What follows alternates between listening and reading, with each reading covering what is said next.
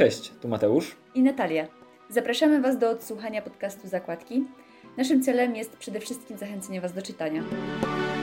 Mamy dwie główne zasady. Pierwsza, nie spoilerujemy i druga, nie oceniamy czytanych przez nas książek. Dzisiejszy odcinek chciałem zacząć wyjątkowo, ale nic nowego nie przychodzi mi do głowy, więc będzie tradycyjnie. Przybliżę Wam szczegóły książki, którą dzisiaj czytamy, takie szczegóły techniczne. Dzisiaj omówimy książkę, którą napisał Tomasz Michniewicz. Tytuł to Chrobot Życie najzwyklejszych ludzi świata. Książka po raz pierwszy została wydana w 2018 roku, a już w 2021 została dodrukowana. Ma 450 stron i, tak jak mówi podtytuł, opowiada o życiu najzwyklejszych ludzi świata. Co to oznacza? Oznacza to mniej więcej tyle, że na jej stronach poznajemy historię siedmiu osób, które żyją w siedmiu różnych częściach świata.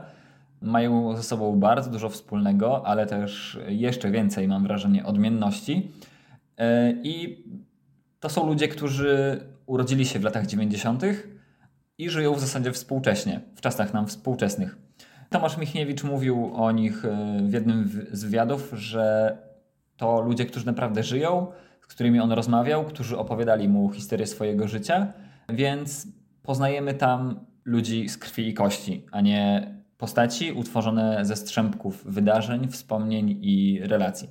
Na kartach książki poznajemy Rayleigho, który pochodzi z Zimbabwe, Margi z Ugandy, Mikę z Finlandii, Juanitę z Kolumbii, Kane z Japonii, Maduri z Indii i Casey z USA.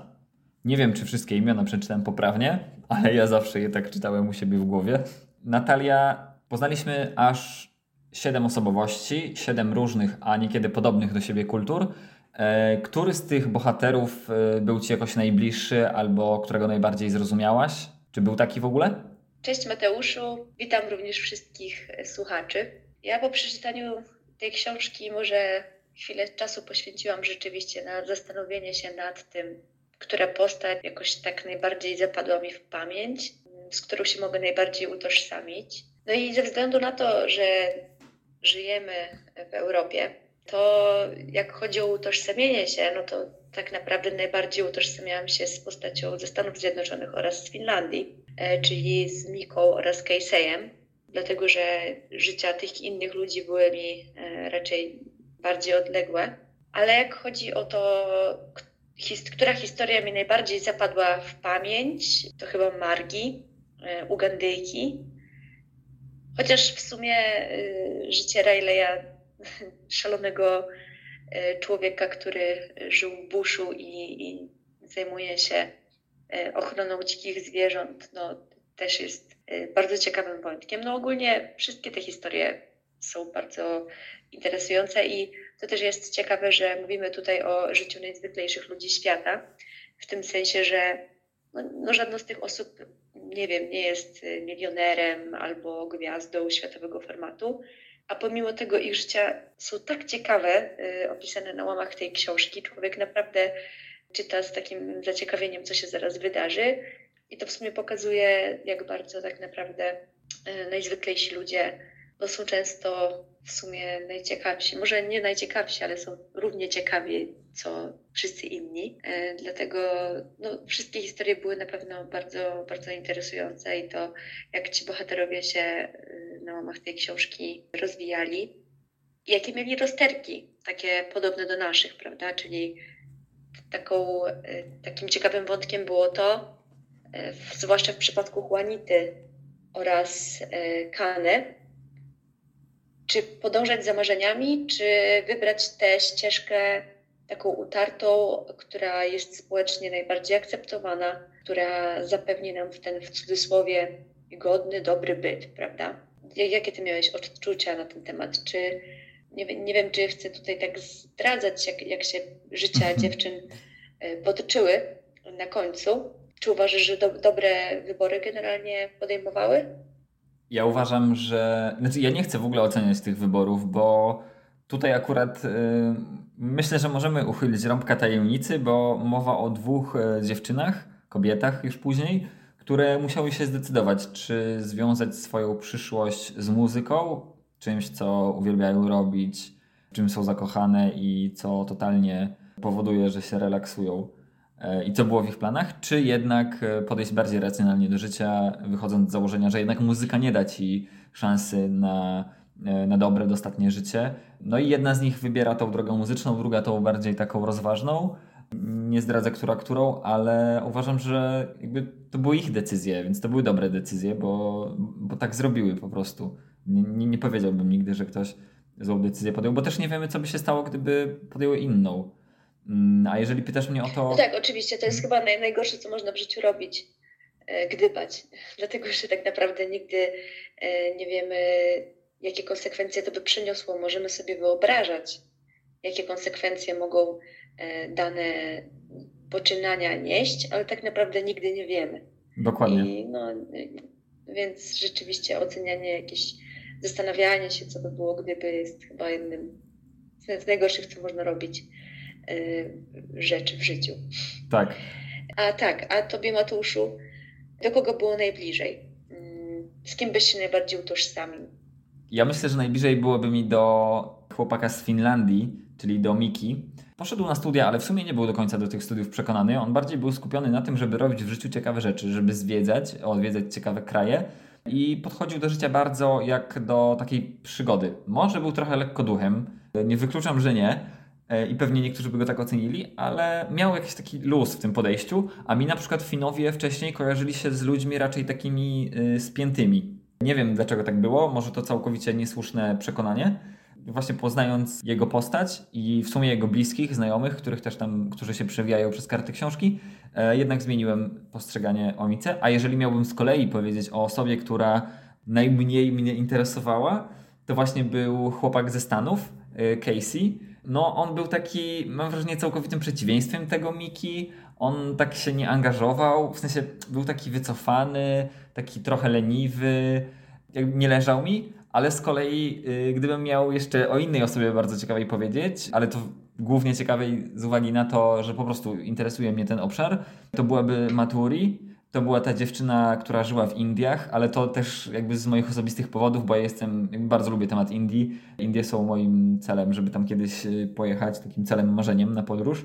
Więc właśnie to też ten fragment y, bardzo mnie interesował. A ja muszę tutaj coś powiedzieć na temat Indii od razu, bo przyszło mi do głowy. Bardzo mnie zadziwił fragment, w którym, jak już nasza bohaterka miała swoje własne córki, które chciała wydać za mąż, i tam się pojawił fragment o kastach. Ja kiedyś e, zetknęłam się z e, podcastem. Najprawdopodobniej był to podcast, e, odcinek podcastu działu zagranicznego, w którym był właśnie odcinek poświęcony kastom w Indiach i że generalnie jest to nadal żywy temat i ludzie rzeczywiście nadal jakoś tam dzielą się na te kasty i tak dalej. A w tej książce mm, Maturi, która w sumie jest, mogę chyba tak to powiedzieć, prostą kobietą w tym sensie, że nie, nie, nie, uzyskała wyższego wykształcenia, no i pochodziła raczej z biednej rodziny, to ona przyznała, że tak naprawdę te kasty nie mają znaczenia, że te kasty są używane jako wymówka. Jeżeli ktoś ci z innych jakichś przyczyn nie podchodzi, to zawsze możesz się wymówić kastą, że e, nie chcesz, żeby na przykład twoje dziecko się z kimś wiązało ze względu na tę kastę. I to było dla mnie bardzo ciekawe, bo może rzeczywiście E, te kasty nie mają już aż takiego znaczenia w Indiach, jak nam się wydaje, i rzeczywiście ludzie tak bardziej używają e, jako na swoją korzyść, jako taka wygodna wymówka. Ale tak naprawdę, jak, jak, jak wszystko pasuje, to ludzie tak naprawdę się tą kastą nie przejmują. I może to jest trochę podobnie tak, jak się mówi o Polakach, że Polacy są e, religijni, ale tak naprawdę, jak człowiek się zagłębi, no to to jest taka dosyć wybiórcza religijność w wielu przypadkach, może nawet w większości. Więc może to działa na podobnej zasadzie, że ktoś z zewnątrz, z innego kraju by powiedział, że tak, Polacy są religijnym krajem, ale jak już człowiek się zagłębi troszkę bardziej w ten temat, to wychodzi na to, że może nie do końca. I może tutaj jest podobnie z tymi kastami. Wiesz co, wydaje mi się, że gdyby.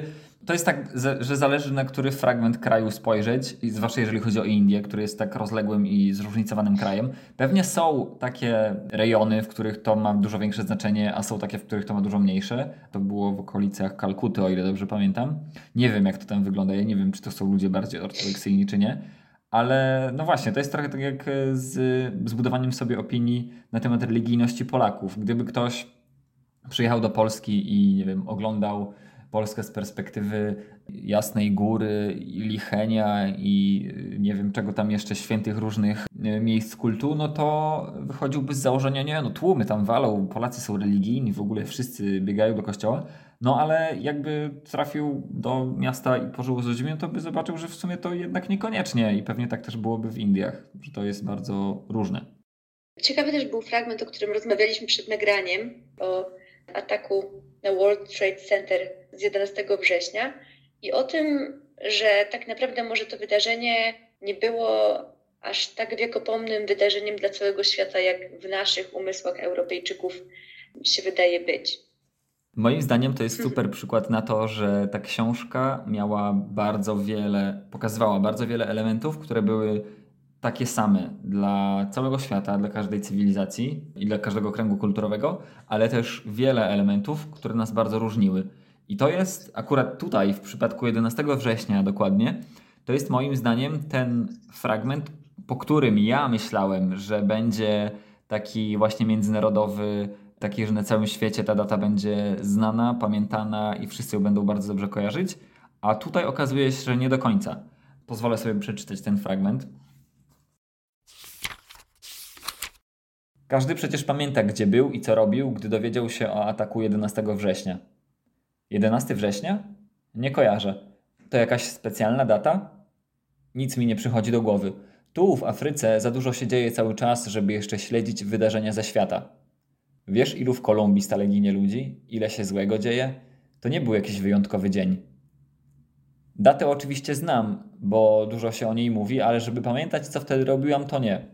Ale pamiętam 26 stycznia, gdy usłyszeliśmy o trzęsieniu ziemi w Gujaracie. Stałam wtedy w kolejce po wodę. Wszyscy płakaliśmy. Zginęło mnóstwo ludzi. To była okropna tragedia. 29 lipca. Po wodzie, po wylaniu Indusów w Pakistanie 14 milionów ludzi straciło domy. 12 stycznia. Trzęsienie ziemi na Haiti zabiło 200 tysięcy ludzi. 26 grudnia. Tsunami wywołane przez trzęsienie ziemi przy indonezyjskiej Sumatrze pozbawiło życia 230 tysięcy ludzi i zabrało domy kilku milionom. Cyklon Nargis, Birma, Sri Lanka 150 tysięcy ludzi zabitych. Trzęsienie ziemi w Kaszmirze 100 tysięcy zabitych, 4 miliony pozbawione domów. Syczuan 70 tysięcy zabitych, 300 tysięcy rannych, 5 milionów bez dachu nad głową. Huragan Katrina zabił w USA 1800 osób.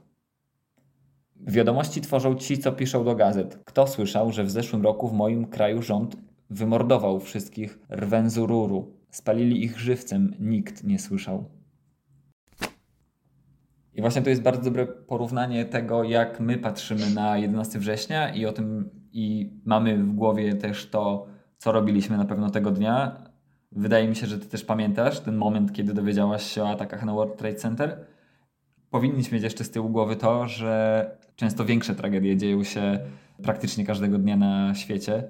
E, w atakach na 11 września, aż to sprawdziłem i porównałem, zginęło niecałe 3000 osób. Tutaj no, czytamy o dziesiątkach, o setkach tysięcy e, osób, które zmarły w innych tragediach, a o tym no, nie pamiętamy, bo to nie jest w naszym kręgu. Ja ci powiem szczerze, że nie pamiętam, bo byłam za mała jednak mimo wszystko. Ty pamiętasz? Serio? Tak, naprawdę. Znaczy nie pamiętam, co robiłem, jak się dowiedziałem, ale pamiętam to, jak siedziałem przed telewizorem i oglądałem e, takie przebitki materiałów. Z... To mieliśmy 5 lat wtedy, nie? Tak, tak. To było 2001 rok. No, nie, to ja chyba nie mam takich odległych wspomnień, jak ci powiem szczerze. Ja mam w ogóle taki dysonans w swoim życiu. Ostatnio, ale ogólnie już od dawna. Że po pierwsze, oczywiście zdaję sobie sprawę, że to, czym w tym momencie się przyjmujemy, jest o, ogromnie kreowane przez, y, no w zasadzie dziennikarzy i, media. To jest oczywista sprawa. Tak jak y, nauka jest kreowana przez naukowców y, i tak dalej tak samo jak to, gdzie idą pieniądze, jest kreowane przez ludzi, którzy te pieniądze mają, prawda? Niestety tak działa świat.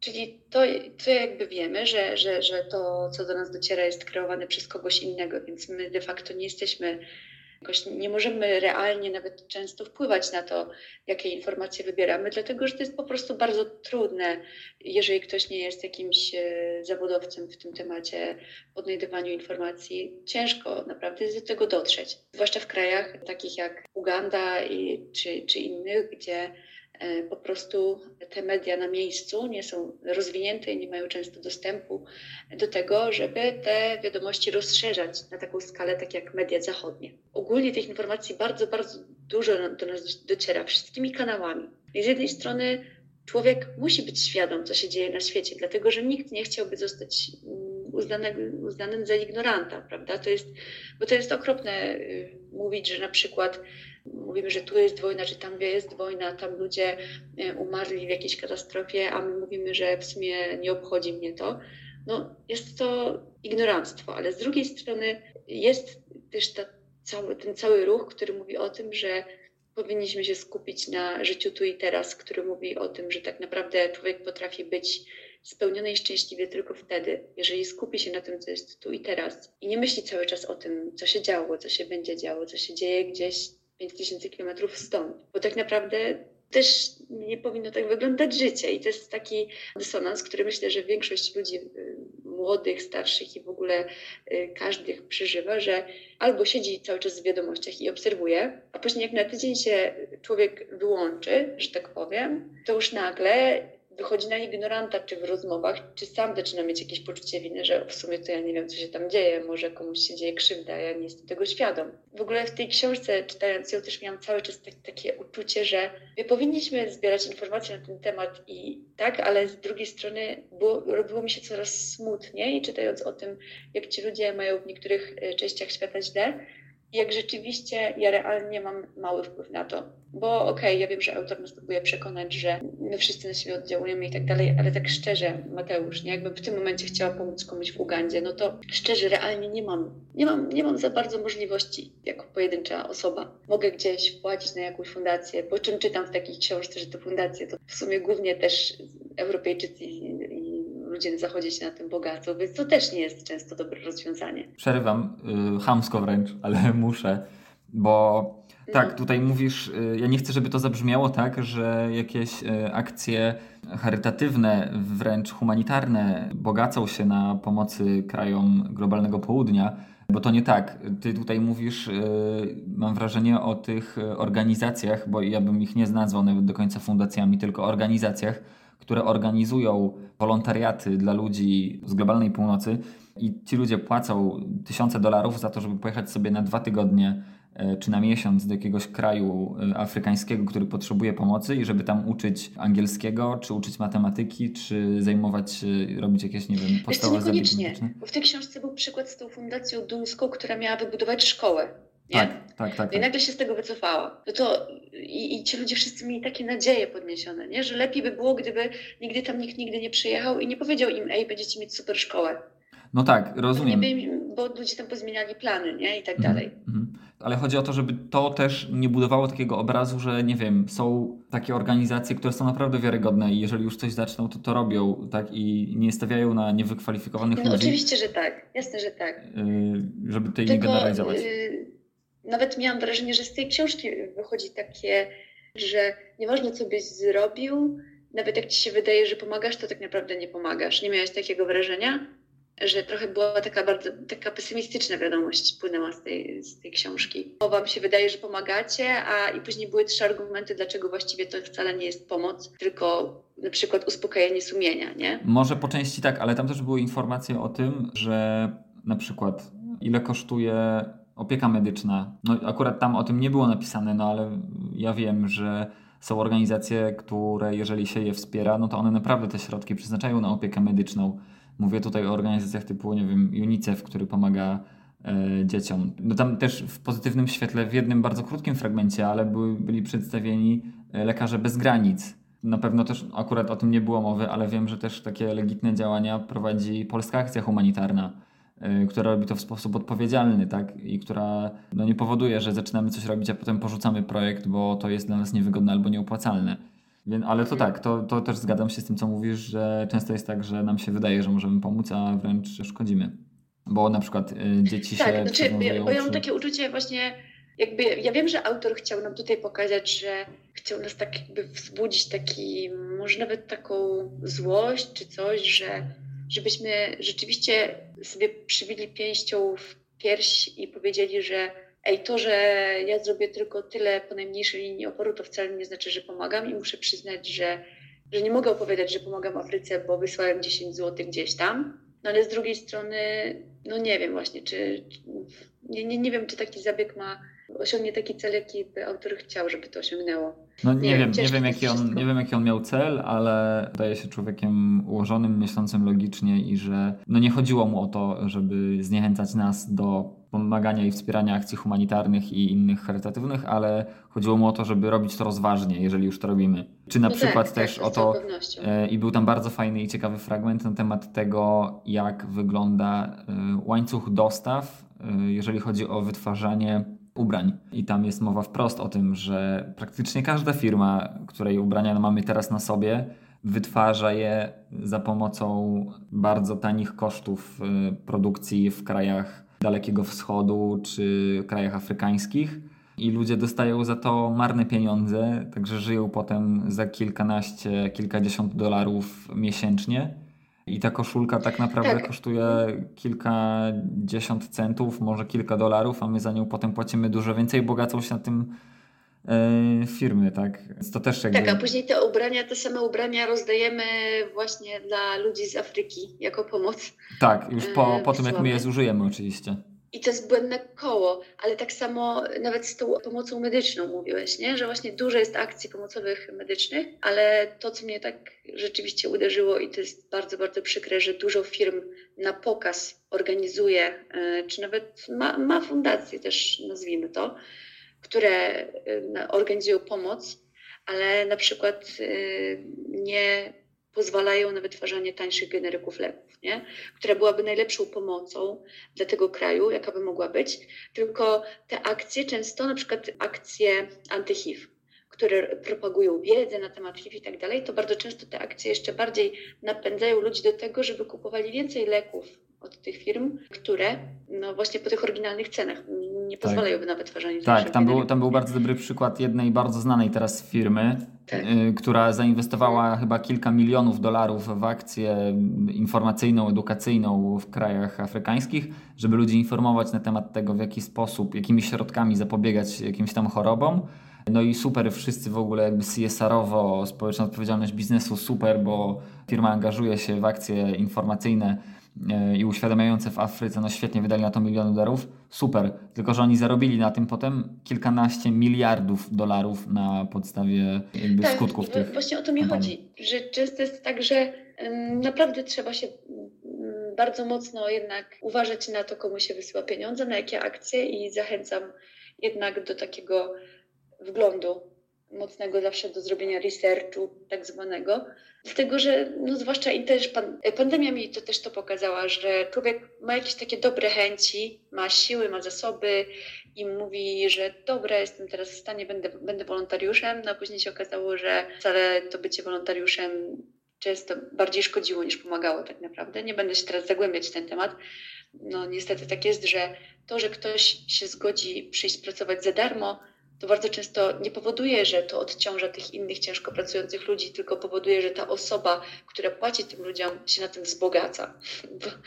I więc to jest bardzo przykre niestety z tym pomaganiem, że trudno jest pomagać, trudno jest realnie pomagać komuś. No tak. Yy, dlatego Powiedziałaś o wynagrodzeniu, a wcześniej mówiliśmy o, trochę o różnych standardach życia na różnych krajach i to mi przypomniało ten fragment, który też sobie zaznaczyłem i który chciałem przytoczyć, który pokazuje jakby różnicę w zamożności, w takiej przeciętnej zamożności, tak? Powiedzielibyśmy w średnich zarobkach e, w kilku krajach, które zostały tu przedstawione. Tutaj mowa akurat na początku o Stanach. Porcja chili con carne w restauracji to często pół kilo mięsa. Naleśniki z syropem klonowym, które bardziej przypominają placki niż naleśniki, zamawia się na wysokość stosu. Je się ile człowiek może, a nie ile powinien. W każdej restauracji kelnerzy zbierają niedojedzone w połowie porcje. W wielu więcej jedzenia się wyrzuca niż zjada. W USA średnia płaca to 3,5 tysiąca dolarów miesięcznie. W Finlandii niemal tyle samo. W Kolumbii niecałe 700. w Indiach, Ugandzie, Zimbabwe 50, może 70 dolarów. Zresztą kto to wie, nikt nie bada wsi w górach i domostw w buszu. Średnia pewnie jest niższa, choć kraje się niby rozwijają. Zjedz do końca, bo w Afryce dzieci głodują. Ale przecież to nie moja wina. Ja mam taki antagonistyczny fragment, który by też myślę, że wpasował w tym momencie. Jeśli Riley coś pamięta z czasów, gdy był dzieckiem, to głód. Wtedy w całym Zimbabwe brakowało jedzenia. Produkcja stanęła, farmy pustoszały. Nawet gdy ktoś miał pieniądze, nie było czego kupić. Riley jadał w domu śniadania, ale jeśli czegoś sobie nie upolował w ciągu dnia, chodził na głodniaka. No chyba, że podkradł coś cichacze. Najłatwiej było coś złowić u dziadków, bo codziennie szykowano u nich poczęstunek dla klientów przyjeżdżających na safari. Najczęściej Riley podbierał dziadkom owoce z ogrodu, a gdy się udało, cichcem plądrował spiżarnię. Trzeba było sobie jakoś radzić. Środek dnia to była pora na łowy. Wszystko zamierało i dziadkowie też zamierali. Po lunchu ucinali sobie półgodzinną drzemkę, spiżarnię zostawiając bez opieki, bo służba miała wtedy przerwę. Ich dom stał na samej krawędzi rezerwatu, ale warto było się tam tłuc. Tak, i tam dalej właśnie e, Riley też opowiada, że to za miłość do się nie dostawało jedzenia. Jak, jak cię dziadkowie przyłapali, że poszedłeś podkraść do, spiżar, do spiżarni, to było lanie nie było jakiegoś miłych uczuć w stosunku do wnuczka, bo jest głodny, tylko wnuczek nie dostał jedzenia i dostał lanie. Bo sobie sam nie upolował. Także, tak, i sobie sam nie upolował. To jest tak abstrakcyjne dla mnie, że jak sobie nie pójdę, nie, nie, czegoś nie upoluję, to nie zjem. To jest myśl totalnie z kosmosu. Myślę, że dla większości ludzi, którzy nas słuchają także. No, od zawsze się mówi o tym, że nie marnujmy jedzenie i tak dalej, jak wiadomo, jak to wygląda w praktyce. Ale tutaj jesteśmy już przy temacie Zimbabwe i ja chciałam Ciebie zapytać, o to, ponieważ Mateusz był w Zimbabwe, pracował tam przez parę miesięcy. Czy jakie ty masz wrażenia, jak porównasz to, co ty przeżyłeś w Zimbabwe z historią Rayleigha? Czy rzeczywiście jest to podobne, to co jest, zostało przedstawione w książce z tym, czego ty doświadczyłeś? To prawda, to jest podobne, tak gwoli jasności. Ja pracowałem w Zimbabwe przez trzy miesiące, więc miałem szansę i okazję, żeby poznać trochę tamtejszego życia, kultury. Mało tego, ja nawet e, nagrywałem odcinki do tego podcastu, będąc w Zimbabwe. To był jeden z pierwszych odcinków tak, właśnie. nagrywanych online wtedy. to, było, to już prawie rok temu.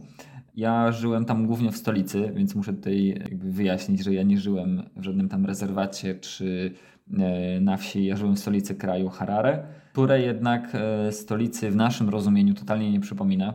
I tutaj takie rzeczy, ja się podpisuję w ogóle rękami i nogami pod tym, co autor Tomasz Michniewicz napisał o tym kraju, bo jak, e, jak byłem tam w Zimbabwe, a też wcześniej jeszcze jak przygotowywałem się do wylotu tam, to czytałem trochę.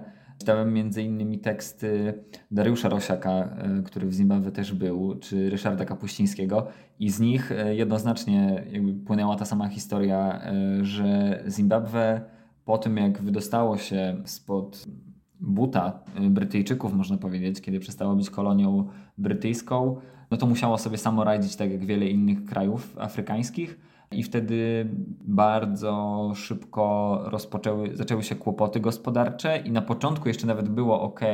Zimbabwe jeszcze miało taką sytuację, że bardzo dużo żywności eksportowało na zewnątrz, dopóki tam y, większość gospod dużych gospodarstw rolnych była w rękach poprzednich właścicieli, czyli no, nie bójmy się użyć tego określenia białych, to biali, biali wcześniej mieli, y, mieli władzę i oni organizowali te farmy w taki sposób, że Zimbabwe bardzo często wysyłało żywność do sąsiednich krajów, eksportowało też y, nawet do RPA, kraju bogatszego, ale wskutek przewrotu wojskowego władzę objął dyktator, który jakby wykorzystując y, jakby hasło populistyczne prowadził takie przepisy, które mówiły o tym, że on po prostu wywłaszczył osoby o białym kolorze skóry z tych wszystkich gospodarstw. Oni przestali być ich właścicielami, i te gospodarstwa trafiły e, jakby lokalnych mieszkańców i wtedy e, kraj zaczął upadać, a w zasadzie upadł wręcz, bo tam była mowa o tym, że inflacja sięgała setek procent. To nie jest tak, jak my mówimy o tym, że 10% to jest dużo.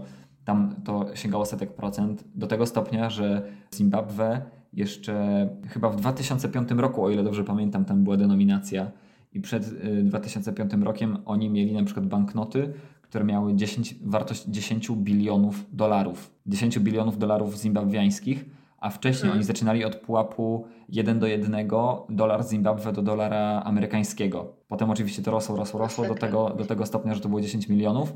Potem w 2005 wprowadzili sobie mm, denominację, czyli obcięli te zera, jakbyśmy powiedzieli wprost, ale teraz znowu to rośnie. E, Oni oczywiście chcieli, żeby to było od, znowu 1 do 1 do dolara amerykańskiego i tak chyba na początku było, ale jak ja byłem y, w Zimbabwe, czyli to było no rok temu, to chleb już wtedy kosztował 300 dolarów Zimbabwe. Czyli to były jakieś.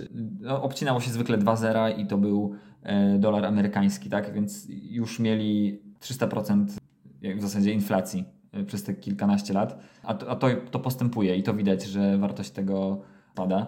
No i warunki naturalne, które były tam opisane, i ten klimat, i podejście do ludzi, i podej- zwłaszcza podejście do białych, e, bo, tam, bo to też widać na kartach tej książki i też miałem okazję tego doświadczyć e, jest bardzo skomplikowane i często niełatwe, ale można tam nadal spotykać się z serdecznym podejściem ludzi do osób e, z białym kolorem skóry, więc gdyby ktoś myślał o tym, żeby odwiedzić Zimbabwe, to naprawdę nic złego wam tam nie grozi. Polecam. Powinieneś w ogóle chyba zrobić kiedyś odcinek o, o tym, jak opowiadasz o Zimbabwe. E, Myślę, że muszę Dokładnie. zobaczyć jeszcze trochę więcej w życiu, żebym miał do czego to porównywać.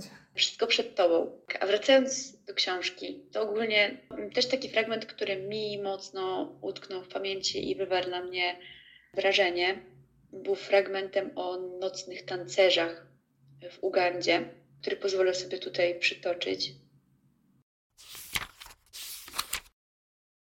Nie chodź nocą po lesie, bo zjedzą cię nocni tancerze. W Ugandzie do dziś powszechne są praktyki czarnej magii.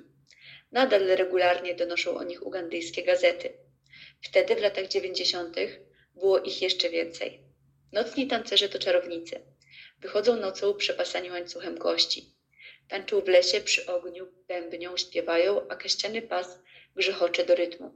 Mówi się, że nocni tancerze rzucają uroki, żeby ktoś zgubił drogę, bo do czarów potrzebują ludzkiego mięsa. Serca, wątroby, kobiecych piersi. Szukają ofiar, gdzie mogą, rozgrzebują świeże groby, porywają dzieci, a niektórzy oddają im dzieci sami. Czarownicy spuszczają z nich krew, ćwiartują, obcinają głowy. To forma ofiary na szczęście dla reszty rodziny, żeby było więcej pieniędzy, żeby nie było chorób. Czasem żywe dziecko zamurują w fundamentach domu. Fundamenty to podstawa, taka ofiara to powodzenie wszystkich w rodzinie, które będzie trwać, jak długo stać będzie dom, Przechodzący do czarowników ludzie uważają, że warto poświęcić jedno dziecko, żeby całej rodzinie lepiej się wiodło. To dla nich rozsądna kalkulacja. To nie są pojedyncze incydenty, wystarczy spojrzeć na mapę. Na wschodzie pod granicą z Kenią, w Bukuni, wszyscy wiedzą o tych rytuałach. Każdy o nich słyszał. Gazety donosiły o ludzkich szczątkach wokół ognisk kanibali w Rakai, dużo dalej na południe. Nocnych tancerzy aresztowano w Kabusoke, Kagore, Niabibinie i kilku innych miejscowościach. Kilkunastu kolejnych trwają śledztwa. Dziś w XXI wieku. Zatrważające to jest. Tak, Niestety naprawdę. bardzo, bardzo mocno. Akurat y, Margi, która jest w tej książce, jest taką wyjątkową kobietą, która pomimo tego, że mieszkała blisko lasu i straszono ją nocnymi tancerzami, pomimo tego, że była bita w domu i pochodziła naprawdę z ubogiej rodziny, gdzie jadło się właśnie raz dziennie, gdzie dzieci musiały się zajmować sprzątaniem domu i rozpaleniem ogniska, to ona i pomimo tego, że była też młodą matką, zaparła się, uzyskała wyższe wykształcenie. I to, co było dla mnie też takie szokujące, to, że ona już skończyła diagnostykę laboratoryjną, czyli można powiedzieć, miała naprawdę dobry fakt w ręku i czynnie się tym zajmowała. Postanowiła wyjechać do Sudanu, żeby, dlatego, że słyszała, że tam są wyższe zarobki. No i ona pojechała do tego Sudanu i rzeczywiście zarabiała więcej, ale nie miała, ale tam w ogóle nie było gdzie mieszkać. Czyli ona nawet miała pieniądze, żeby sobie wynająć jakieś miejsce do życia, ale realnie nie, nie było takiego miejsca i ona spała w namiocie na ziemi i obok niej, tak metr od niej, spał ktoś kolejny i ona płaciła sobie za takie miejsce na gołej ziemi, sobie zrobiła namiot i trzymała ileś tam tysięcy dolarów w walizce, y, a mieszkała po prostu w namiocie i myła się w rzece. I w ogóle to była dla mnie jakaś taka abstrakcja, że nie, nie potrafiłam objąć tego umysłem, jak ktoś, kto zajmuje się diagnostyką laboratoryjną, codziennie chodzi do pracy i zarabia pieniądze, po prostu nie ma realnie jak wynająć sobie miejsca do życia.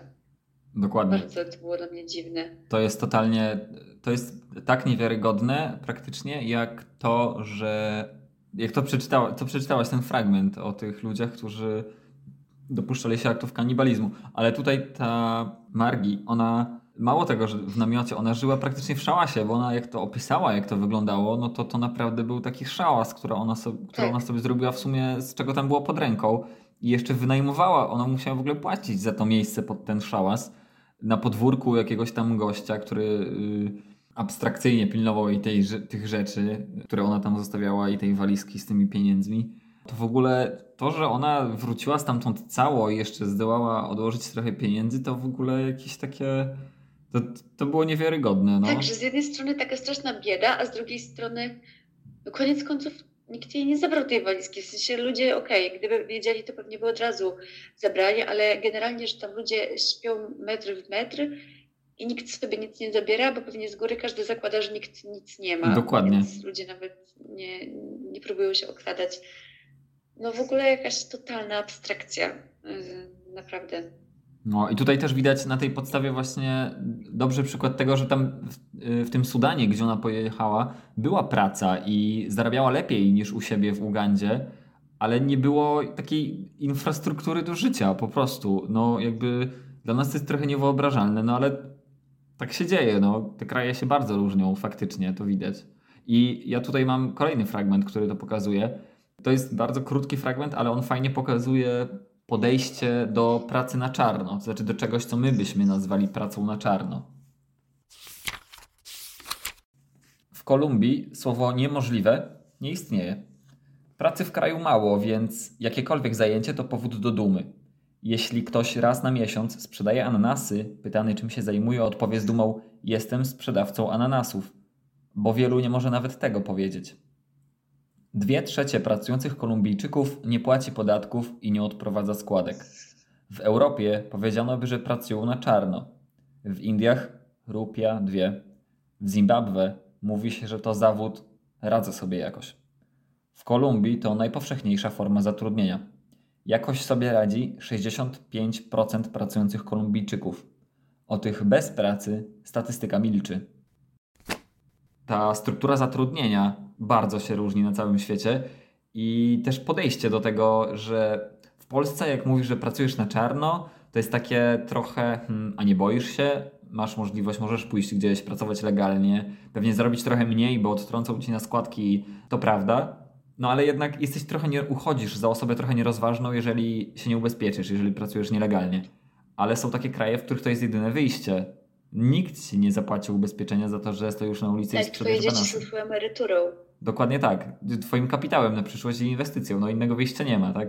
To, co mnie, jeszcze tak utknęło, tak mi się teraz przypomniało, nie ma to za wiele wspólnego z tym, co właśnie powiedziałeś. O Japonii był fragment, który mówił o tym, że ludzie tak bardzo mają taki etos pracy i spędzają w pracy tyle czasu, że często było nawet tak, że e, ona jak była nauczycielką, musiała, była zobowiązana jeździć na jakieś zawody sportowe, na którą jeździła razem z innymi nauczycielami i w praktyce wystarczyłoby, że pojechałby tylko jeden nauczyciel, ale ona musiała jechać, dlatego że ona by sobie nie wybaczyła, że ona się leni w tym czasie, jak inni pracują i że to by było jakoś tak nie fair wobec innych. Co w ogóle też jest jakąś totalną abstrakcją. Przecież myśmy, tak, tam nawet autor napisał, że od razu my byśmy się podzielili, że aha, ty jedziesz w tym tygodniu, w kolejnym i tak dalej, żeby ktoś miał wolne.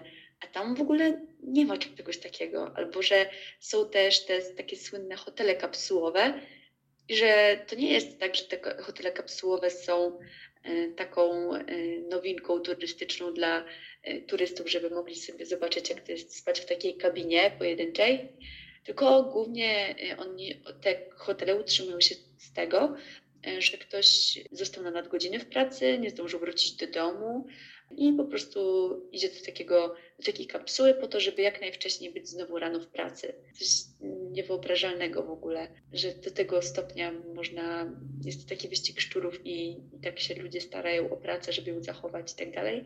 Wolą hotel kapsułowy, po to, No, żeby się pokazać że żyją- że są pierwsi w pracy. Że żyją na skraju w ogóle praktycznie swoich możliwości. Naprawdę, że śpią po kilka Tak. godzin dziennie, tam 4-5. Tam no, poznajemy całą jakby historię życia tak, tej, tej Kany, która jest z Japonii. Widzimy, jak ona od najwcześniejszych lat swojej edukacji ma wszystkie możliwe zajęcia dodatkowe. Tu jakieś zajęcia sportowe, tam jakaś gra na instrumencie, oczywiście jeszcze korepetycje.